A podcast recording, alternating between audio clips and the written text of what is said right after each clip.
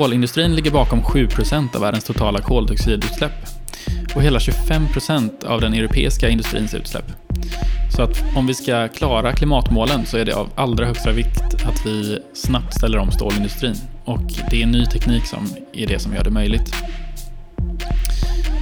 Ståltillverkning ligger bakom 7% av världens totala koldioxidutsläpp och hela 25% av den europeiska industrins totala utsläpp. För att vi ska kunna klara av att nå klimatmålen så är det av allra högsta vikt att vi snabbt ställer om stålindustrin och det är ny teknik som är det som gör det möjligt. Det finns många verksamheter som vill accelerera eh, förändringstakten och H2 Green Steel är ett av dem. Eh, och de ska genom sin tillverkningsteknik eliminera 95% av koldioxidutsläppen eh, och målet är att leverera grönt stål redan 2025. På resan mot en mer hållbar ståltillverkning så krävs innovation, samarbete men också enorma mängder el, eh, för att nämna några saker. Och därför så ska vi i dagens avsnitt träffa Lina Håkansdotter eh, som jobbar på H2 Green Steel för att lära oss mer om de utmaningar som de möter på vägen mot visionen om grönt stål.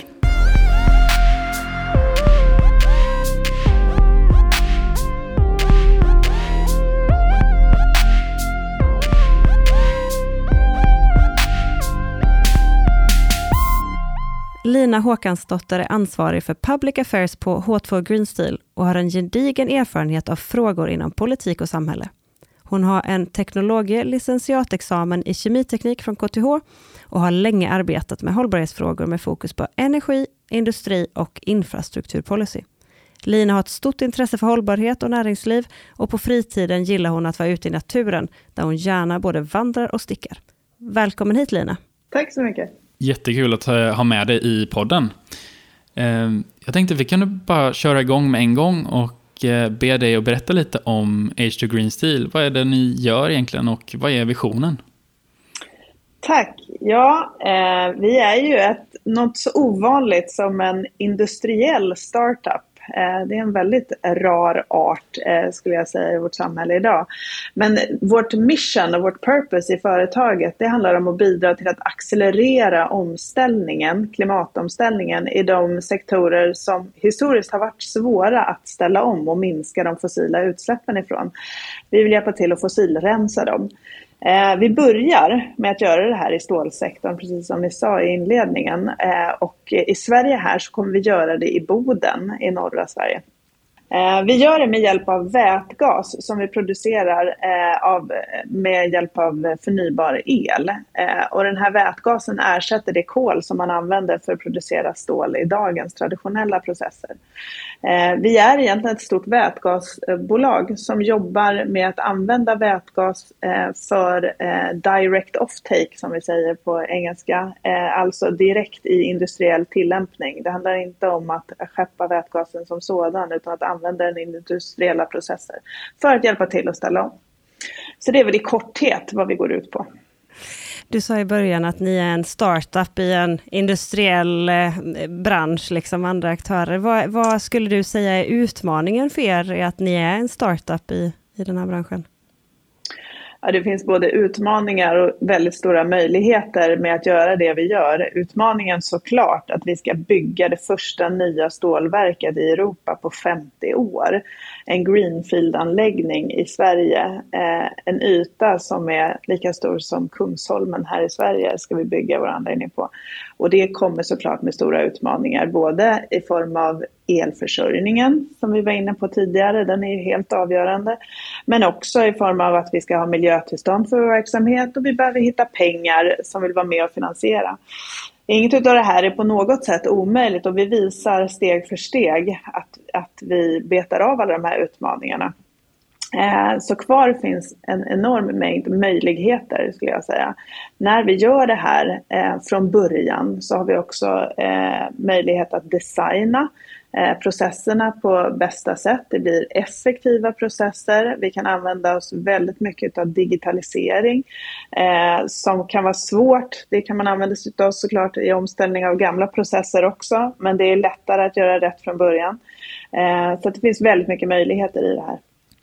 Det låter väldigt inspirerande och, och ganska härligt att få liksom börja från, på, en, på en blank sida så att säga. Eh, och inte behöva bry sig om gamla legacy-grejer. Ehm, jag tänker lite på, så det, det är väldigt komplext, det är många olika faktorer som, som ska eh, tänkas på samtidigt. Ehm, men om du tänker på tekniken, alltså hur, eh, vilken typ av teknik är det egentligen som blir viktigast i uppbyggnaden av den här stålproduktionen, som, som ni ser det? Ja, jag var lite inne på det tidigare. Det är ju vätgasen som är kärnan i det vi gör. Vi brukar mm. säga att vi kan dela upp vår process i tre olika delar. Eh, den första är storskalig produktion av vätgas. Det, vi använder tre olika elektrolystekniker eh, där vi alltså använder el tillsammans med vatten, eh, spjälkar vattnet och då får vi vätgas och syrgas. Den här vätgasen använder vi sen som reduktionsmedel i det andra steget som handlar om direktreduktion av järnmalmen. Mm. Här är ju järnmalmen som vi plockar upp, den består av både järn och syrgas och vi behöver reducera bort syrgasen. Så att eh, vätgasen används som reduktionsmedel, ut får vi vattenånga och järn.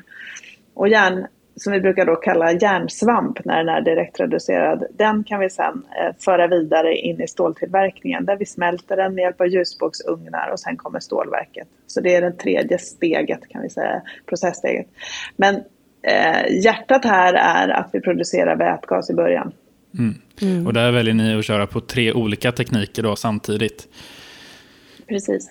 Eh, och det beror, vad beror det på? Är det att, eh, hur är mognadsgraden kan man säga? kan man...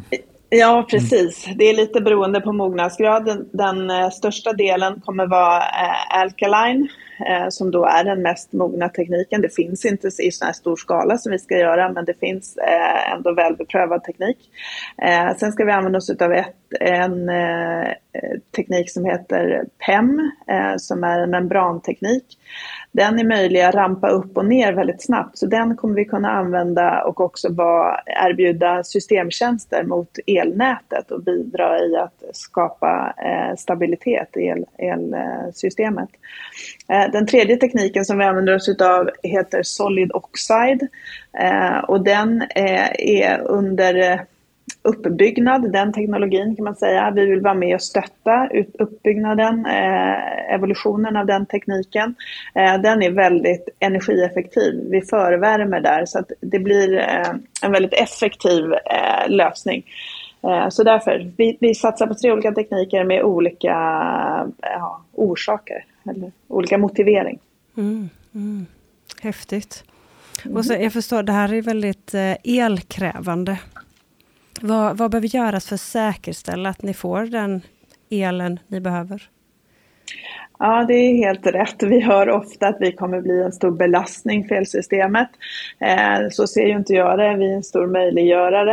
Eh, vi kommer använda ungefär 10 terawattimmar el eh, år 2025 när vi startar vår produktion och då kommer vi producera 2,5 miljoner ton grönt stål. Eh, vi ser att framåt 2030 så ska vi producera det dubbla, 5 miljoner ton och då kommer elanvändningen också öka. Den kommer inte fördubblas eh, men den kommer öka såklart ifrån de här 10 terawattimmarna. Mm. Men i andra änden så får vi också ut en väldigt stor nytta. Eh, och det lyfter vi kanske inte lika ofta, eller det lyfts inte lika ofta i debatten. vi ser att vi kommer öka Sveriges exportintäkter med 30 miljarder kronor årligen ett väldigt positivt bidrag till handelsbalansen.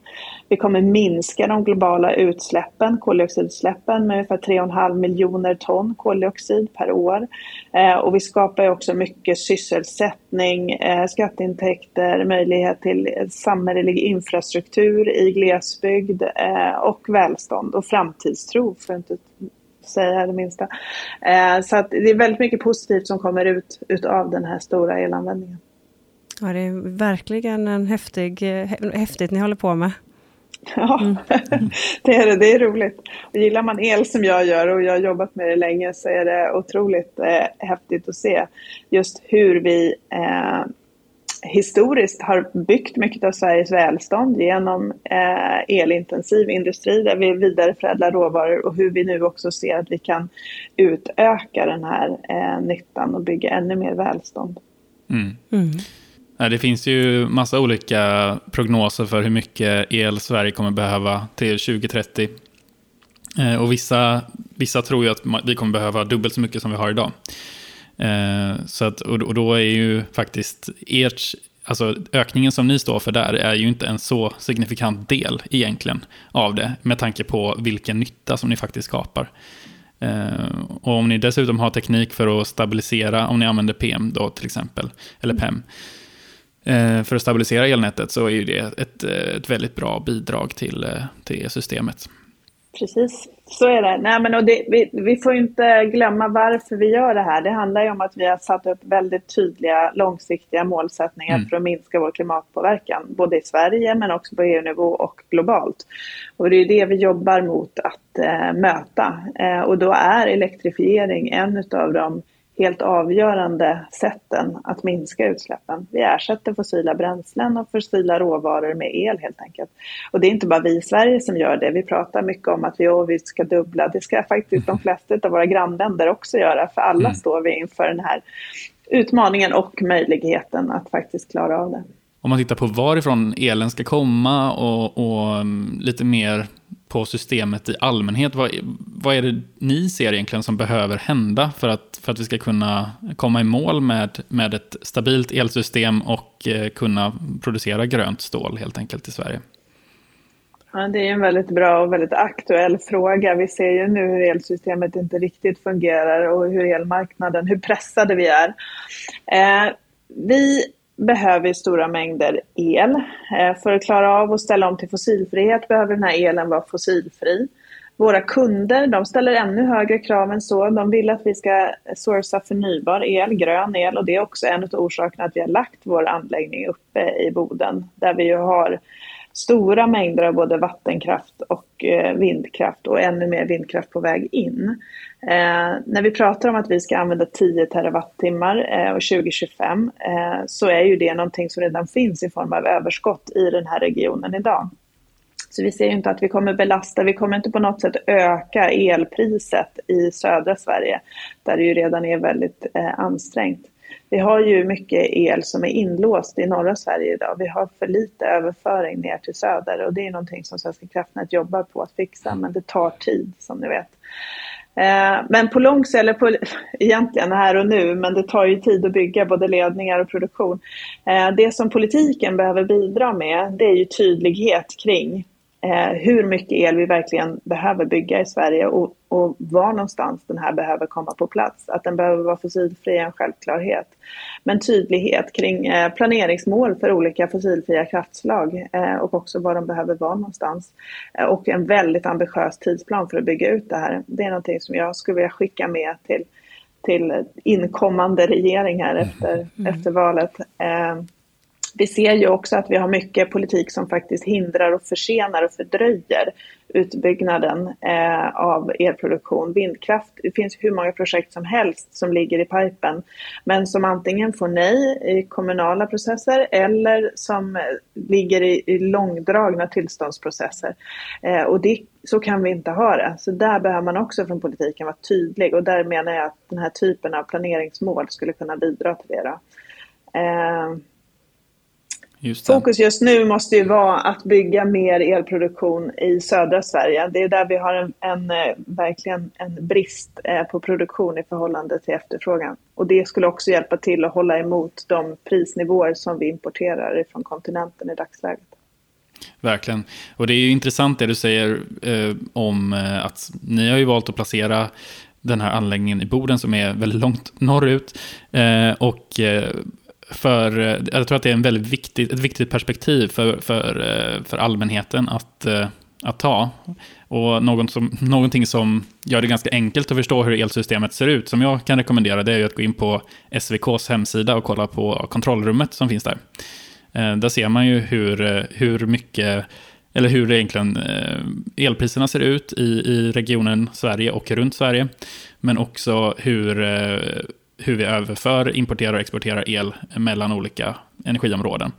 Eh, då blir det tydligt att eh, vi har ett överskott uppe, precis som, som du säger, eh, där ni vill lägga er industri. Och det är egentligen överföringskapaciteten därifrån ner till, Sverige, eller ner till södra Sverige då, som, som är flaskhalsen. Ehm. Jättebra att du puffar för den. Det är en av mina favoritsidor också, kontrollrummet. En annan sida som man kan gå in och titta på är, är Electricity Map som visar hur koldioxidutsläppen från elproduktion i Europa varierar från timme till timme. Eh, det är också jätteintressant och också en tydlig indikation på varför vi har valt att lägga vår produktion i Sverige och i norra Sverige. Ja, men superintressant. Och eh, nu så börjar det bli dags för oss att eh, ringa upp vår andra gäst, Martin, som är vår kära kollega. Martin Fredin är account manager här på Hitachi Energy och baserad i Luleå. Eh, och han jobbar med kunderna som finns från Kiruna till Umeå egentligen. Och då innefattar vi även H2 Green Steel i det. Eh, innan han kom till oss så jobbade Martin framförallt med olika LKAB-projekt som konsult på dåvarande OF. Och Martin har en civilingenjörsexamen inom industriell design och ett stort intresse för klimatfrågor. Eh, på fritiden så kan hitta honom hemma med familjen, pysslandes på gården eller på fäktpisten. Varmt välkommen hit Martin. Stort tack, vad kul att få vara här. Vi tänkte köra på med en gång och, och ställa första frågan till dig Martin. Mm. Och så får Lina gärna kommentera ifall det är någonting som du tänker på där i svaret. Um, vad kommer vi på Itachi Energy bidra med i partnerskapet som vi nu har lanserat med H2 Green Steel, Martin? Ja, alltså vi, vi, blir ju, när vi pratar om de här stora mängderna fossilfri el så blir ju att, att överföra och liksom få in det till sin anläggning och möjliggöra då att, att H2 Green Steel kan fokusera på sin process och att skapa den mängd vätgas som de behöver så, så behöver de enorma mängder el och då är ju vi en väldigt naturlig part att ha med och se till att detta händer på ett robust och stabilt sätt så att säga. För där har ju vi prylarna och kunskapen att komma in och stötta upp och, och det bygger partnerskapet på också så att säga. Att vi är superintresserade att få vara med på H2 Green Steels resa och göra industrin när industrin ställer om och vi vill ju också ställa om i det här så att det blir som en, en väldiga synergier. Vi hjälper dem, de hjälper oss så att säga framöver. Då. Mm. Jag kan flika in där, alltså det här med partnerskap och att vi jobbar i hela värdekedjan, det är också eh, avgörande för oss eh, på H2. Eh, vi ser att vi har väldigt mycket att lära och att också att bidra med. Eh, och eh, när man gör allting nytt så här som vi gör från början så blir det en helt avgörande del i vår framgång, ska jag säga, att vi jobbar tillsammans på det sättet. Sen skulle jag vilja också, vi, vi har ju som mål att hjälpa till att verkligen bända den globala utsläppskurvan och det kommer inte bara vårt företag kunna göra utan vi måste allihopa jobba tillsammans. Vi måste vara med och inspirera, vi måste också vara med och visa att det går. Och är vi fler som kan göra det här så blir vi också flera som kan sprida kunskap och sprida de här utsläppsminskningarna. Ja, men så är det verkligen och vi, vi åtar ju oss då i vårt partnerskap också att köpa eh, fossilfritt stål till allt vad vi kan och allt vad vi får eh, från H2 Green Steel när, det här är, när deras anläggning är up and running eller från andra anläggningar i Europa. Så det, det ser vi superpositivt på för att vi behöver också komma ner med våra CO2-utsläpp, nå netto noll och hjälpa våra kunder i sin tur.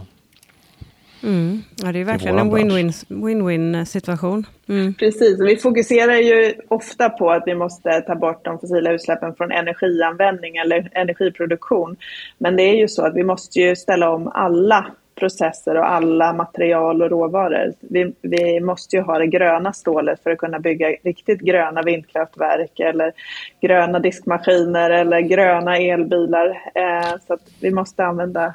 Så vi måste gå mer till det här eh, cirkulära spåret också om, om en netto noll-ekonomi när det kommer till eh, koldioxidutsläpp i slutändan. Liksom. Nu kommer ju kostnaden för att baka in koldioxid i sina produkter och den startar här nu liksom och den, det, det är bara början. Vi kan inte utarma jorden mer utan vi måste tänka mer på hur vi, hur vi gör affärer med varandra och hur vi verkar på den här planeten när vi är så här många. Och det här är en tydlig del i det. För att nå bukt med stålindustrin. Mm. Mm. Först ut. Men, men ehm, eh, tillbaka lite till dig eh, kanske Martin, eller du får gärna också svara Lina. Eh, vad är de tekniska utmaningarna? Och har, har vi gjort sådana här projekt tidigare någonstans? Har vi några lärdomar vi kan ta med in? Alltså, eh, alltså nu, om jag, om jag får, får, börja eh, svara för elsidan. Ni har ju gott om utmaningar i det här så att säga och vi är med och försöker lösa utmaningarna till, till elförsörjningen, vilken är enorm. Alltså de här, det här projektet är ju, det projekt bleknar jämfört med det här när det kommer till elkraftsutmaningen. Men det börjar ju poppa runt omkring sådana här jätteprojekt i Danmark, i Mellanöstern. Man ska göra, det finns några sådana här vätgasnoder. LKAB kommer sen med sina planer så det börjar ju poppa. Men det, det skapar en väldigt brant lärokurva för hur en sån här vätgasanläggning kommer påverka nätet. För att har man inte koll på den här påverkan på om man startar upp de här elektrolysörerna, den mängden, så kommer det påverka elkvaliteten något enormt och där kommer vi in och hjälper till. Då. Men har man inte koll på den, då kommer inte den här anläggningen få köras helt enkelt. Och det här är ju något område som man måste hålla koll på och som är väldigt som vi lär oss mycket på också, alltså att mäta och sådär. För installerar man elektrolysörer som de har gjorts idag, 20 megawatt elektrolysörer, eh, så inte, kommer inte det ge någon påverkan på nätet eller nämnvärt. Men liksom om, man, om man går upp då till eh, 5 700 000 megawatt så kommer det kunna ha ett jättestort genomslag. Och det här måste man verkligen hålla koll på för annars kommer eh, överliggande nät kommer inte tycka om det här, det som händer. Och sen kommer det bli störningar på tant Brittas TV liksom i Boden. Eh, och det kommer inte hon tycka om. Så att eh, då får man inte köra anläggningen. Och där, där har vi ett jättestort bidrag så att säga, med vårt know-how. Och det här eh, det har nog förbisetts lite grann, eller det är lätt att man gör det. Ah, men teknikoptimister som du och jag Martin, vi tycker att det här är bara roligt. Alltså jag, ja, det är nu får vi vara med och bygga någonting. Det var så mycket som hände i Sverige på, i mitten på 1900-talet som vi missade och var med på. Men nu får vi vara med och utveckla vidare. Ja, men alltså det, det är verkligen, alltså det är en otrolig möjlighet och utmaning och vi antar den alla dagar i veckan. Det här är så himla kul och spännande. Det är såklart att vi gör det liksom och det här fixar vi. Men, men, men det, är lätt, det här området har varit förbisett att det kostar ganska mycket pengar att hålla koll på det här. Både när det kommer till fysiska storheter och sen även då vad det är för pengar i det här. Men vi är ju också inom en lä lärokurva och lär oss det här. Absolut. Vi får gå hand i hand och ta fram det här så att det blir riktigt rätt. Superinspirerande. Eh, det, det är en, verkligen en revolution på gång och eh, ja, det är en förmån att få, få vara med i, på resan, skulle jag säga. Verkligen. Det tycker jag med. Är det något budskap som du verkligen vill få med?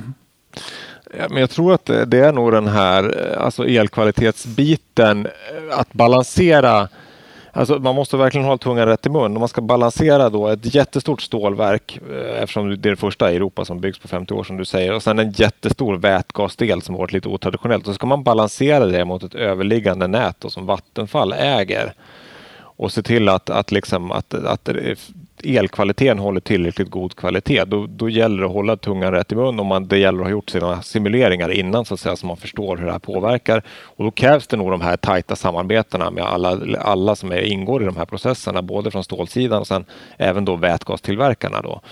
Och att vi, så att vi verkligen kan göra en helhetslösning för att se till att de får ett stabilt nät. Så att man får ett tillgängligt nät. För, för ni kan ju inte kosta på er strömavbrott lite kors och tvärs och lite sådär. Mm. Nej, men precis. Jag tyckte nog att du sa det. Jag, det, blir, det, får inte bli för mycket så negativt fokus på att vi kommer ställa till det för systemet, för vi kommer lösa det. Mm. Vi kommer lösa det, tillsammans löser vi det. Ja, precis. Nej, men det förstår jag. Såklart. Men jag blir bara lite så nyfiken, hur många olika partnerskap har ni? Ja, men vi jobbar ju som jag sa, eh, jobbar vi ju i hela värdekedjan. Eh, vi har ju flera av de företag eh, eller investerare som gick in från början i projektet är ju del i värdekedjan. Eh, vi ser att de som investerar vidare nu framåt är också då eh, stora eh, industriella partners också på kundsidan. Vi ser ju Scania, BMW till exempel. Eh, vårt andra projekt eh, som vi redan har också aviserat är ju att vi tittar tillsammans med Iberdrola som är ett stort eh, förnybar elproducent i, eh, på Iberiska halvön. Så att vi går ju även uppåt i värdekedjan och jobbar tillsammans. Och där ska vi också då i joint venture bygga elektrolysör för vätgasproduktion. Så att vi, vi jobbar i väldigt många partnerskap skulle jag säga. Mm. Och det är ju det, det är ingen som fixar allting självt idag. Så är det. Alla fokuserar på sin primära kärnkompetens och det, det är ju även vi. Va? Det är ju det vi vill livnära oss på och vara bra på. Ja, nej men exakt. Man, man eh, tar tillvara på sin kärnkompetens, men sen att också som i H2 Green Steels fall, man verkligen ser till att man är nära alla spelare som krävs för att helheten ska fungera. Um, ja. Och få med sig de spelarna. Jag tycker det, det är ju någonting H2 Green Steel har gjort fantastiskt, att man får att man får alla med på tåget. Hur har ni lyckats med det då? Eh, ja, men det är väldigt mycket dialog, väldigt mycket samarbeten och partnerskap eh, där alla känner sig involverade, inkluderade. Eh, vi har ju väldigt bråttom. Vi får ofta höra Gud, det ska gå så snabbt. Eh, och där vill jag väl också säga att det, det är inte riktigt vi som har satt tidplanen för det här. Är det så att vi verkligen ska minska klimatutsläppen så har vi inte så himla lång tid på oss. Så vi måste göra det här snabbt. Eh, men vi får ju väldigt sällan höra att vi är jobbiga att jobba med. Vi får snarare tvärtom höra att gud vad inspirerande det är att jobba med er. Eh, vi tänker nytt i nästan allt vi gör. Det måste vi för att kunna göra det snabbt. Eh, och när vi gör det tillsammans, det är inte så att vi sitter och beordrar någon utan vi gör det ju i dialog och tillsammans. Det blir himla roligt. Jag har aldrig haft ett så roligt jobb som när jag började här, mm. som sen jag började här i januari. Nej, men det, det stämmer det du säger. Väldigt inspirerat och roligt att, få arbeta med er. Så att vi är otroligt nyfikna och sugna på att hugga i här framöver. Mm. Härligt, härligt. härligt. Tack så mycket Martin för att, eh, för att du ville vara med och, och, och ge din syn på det hela. Tack Martin. Tack. Väldigt intressant att höra er båda där. Eh, Lina, har du någon reflektion över vad Martin sa? Nej, men jag kan väl bara igen eh, betona vikten av partnerskap och samarbeten i hela den här processen. Eh, ett, ett ytterligare exempel, det är jätteviktigt att vi har bra partnerskap med, med, med andra företag, både på kund och leverantörssidan, men också eh, när det gäller myndigheter till exempel och hur vi säkerställer att vi, vi kan göra det här så snabbt som vi verkligen behöver. Och sen så har vi pratat lite om tidslinjen som är så, så eh, eh ja men det, det är ju eh, en tajt tidslinje kan man säga och vi måste ha den tajt för att kunna mm. nå våra mål som sagt. Ehm, men hur ser du på frågan liksom, när grönt stål egentligen blir verklighet? Ehm, vilka industrier egentligen är det som ni ser den största potentialen i att nå med grönt stål? Och Ja, vår tidslinje är ju då att vi ska vara uppe i produktion 2025 eh, och vi jobbar ju på mot det och som jag sa tidigare så lyckades vi få vårt miljötillstånd eller åtminstone byggdomen som möjliggör att vi får börja gräva och eh, dra igång bygget av vår fabrik eh, nu första juli i somras. Och nu under hösten så kommer vi jobba vidare med själva miljötillståndet, villkoren för när vi sen ska anläggningen i drift. Eh, så 2025 är det vi satsar på att ha eh, första produktionen ute. Eh, och vi har ju faktiskt redan också sålt eh, 60 procent av vår produktion redan innan vi har börjat bygga fabriken. Eh, och då ser vi framförallt tre olika kundkategorier här. Eh, det är bilindustrin eh, där vi har kunder som Scania, BMW, Mercedes. Eh, det är vitvaror där det är Electrolux, Miele till exempel. Och det är byggindustrin där vi ser till exempel Kingspan och Lindab som stora kunder. Och att det är just de här segmenten, det är därför att de företagen har i nästan uteslutande sådana här så kallade science-based targets, det vill säga att de har målsättningar för att minska sina utsläpp i linje med Parisavtalet, eh, alltså 1,5-gradsmålet. Eh, och att eh, de också tittar på sina utsläpp upstream scope 3, Eh, nu blir det lite tekniskt kanske, men de tittar inte bara på de utsläpp som de själva orsakar i sin produktion eller som deras eh, varor orsakar, utan också de material som de tar in för att producera sina varor. Eh, och det är, i en bil så är det ganska stor andel av de utsläppen som, som utgörs av stålindustrins eh, utsläpp. Då. Så därför blir de intresserade av att köpa det gröna stålet. Eh, så vi jobbar tillsammans här för att möta de målsättningarna. Men det är intressant, det blir tre ganska tydliga kategorier får man ändå säga mm, mm. Eh, av, av, kunder. Eh, och fantastiskt att ni har lyckats eh, sälja 60% av produktionen redan nu. Är det några speciella utmaningar som ni ser, i, alltså kopplade till de här olika kategorierna eller den här delen av sidan att, att nå, alltså demand-sidan på grönt stål? Nej, jag är övertygad om att vi nu börjar med att bygga upp efterfrågan. Vi eh, visar, vi skapar en marknad för det gröna stålet, visar att det finns en efterfrågan, att det också finns en premie förenat med att producera grönt stål och då kommer övriga kundsegmentet följa efter. Eh, vi behöver också såklart eh, hjälp från politiken så att vi att de måste hålla fast vid de målen som man redan har satt upp, att vi ska vara netto noll till 2050. 50. Eh, men också följa upp de här målsättningarna med tydliga verktyg. Eh, till exempel EUs utsläppshandelssystem för koldioxid som ju är ett väldigt bra pris på koldioxid men där den eh, konkurrensutsatta industrin inte möter det här priset utan de får fri tilldelning av utsläppsrätter i dagsläget. Och där är det ju viktigt att politiken vågar agera och minska den här fria tilldelningen så att man verkligen möter priset eh, för det man släpper ut. Eh, och det kommer ju gynna och snabba på omställningen också. Lina, vad är den viktigaste faktorn för att vi ska kunna ställa om till ett fossilfritt energisystem? Ja, om jag kunde säga att det fanns en enda silver bullet. Jag, jag brukar i de här sammanhangen lyfta åtminstone tre saker. Jag skulle säga att vi måste i Sverige, men det här gäller nog även eh, i EU och globalt, vi måste bli snabbare på att ge tillstånd eh, för ny verksamhet men också för omställning av gammal verksamhet.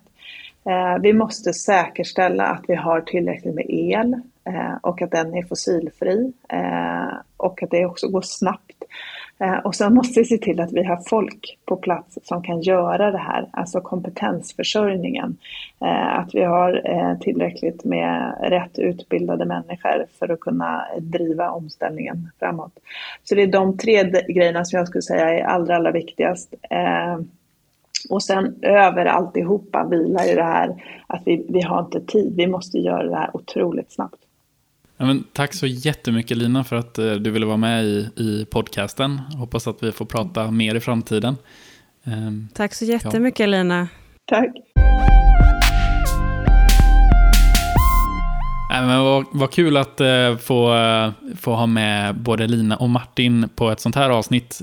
Det är verkligen så att man blir inspirerad för framtiden och ser och börjar tro på att det faktiskt går att göra saker fort som har riktig påverkan, eller hur? Ja, så roligt och man bara hörde ju deras entusiasm och engagemang. jättekul Exakt. verkligen. Ja.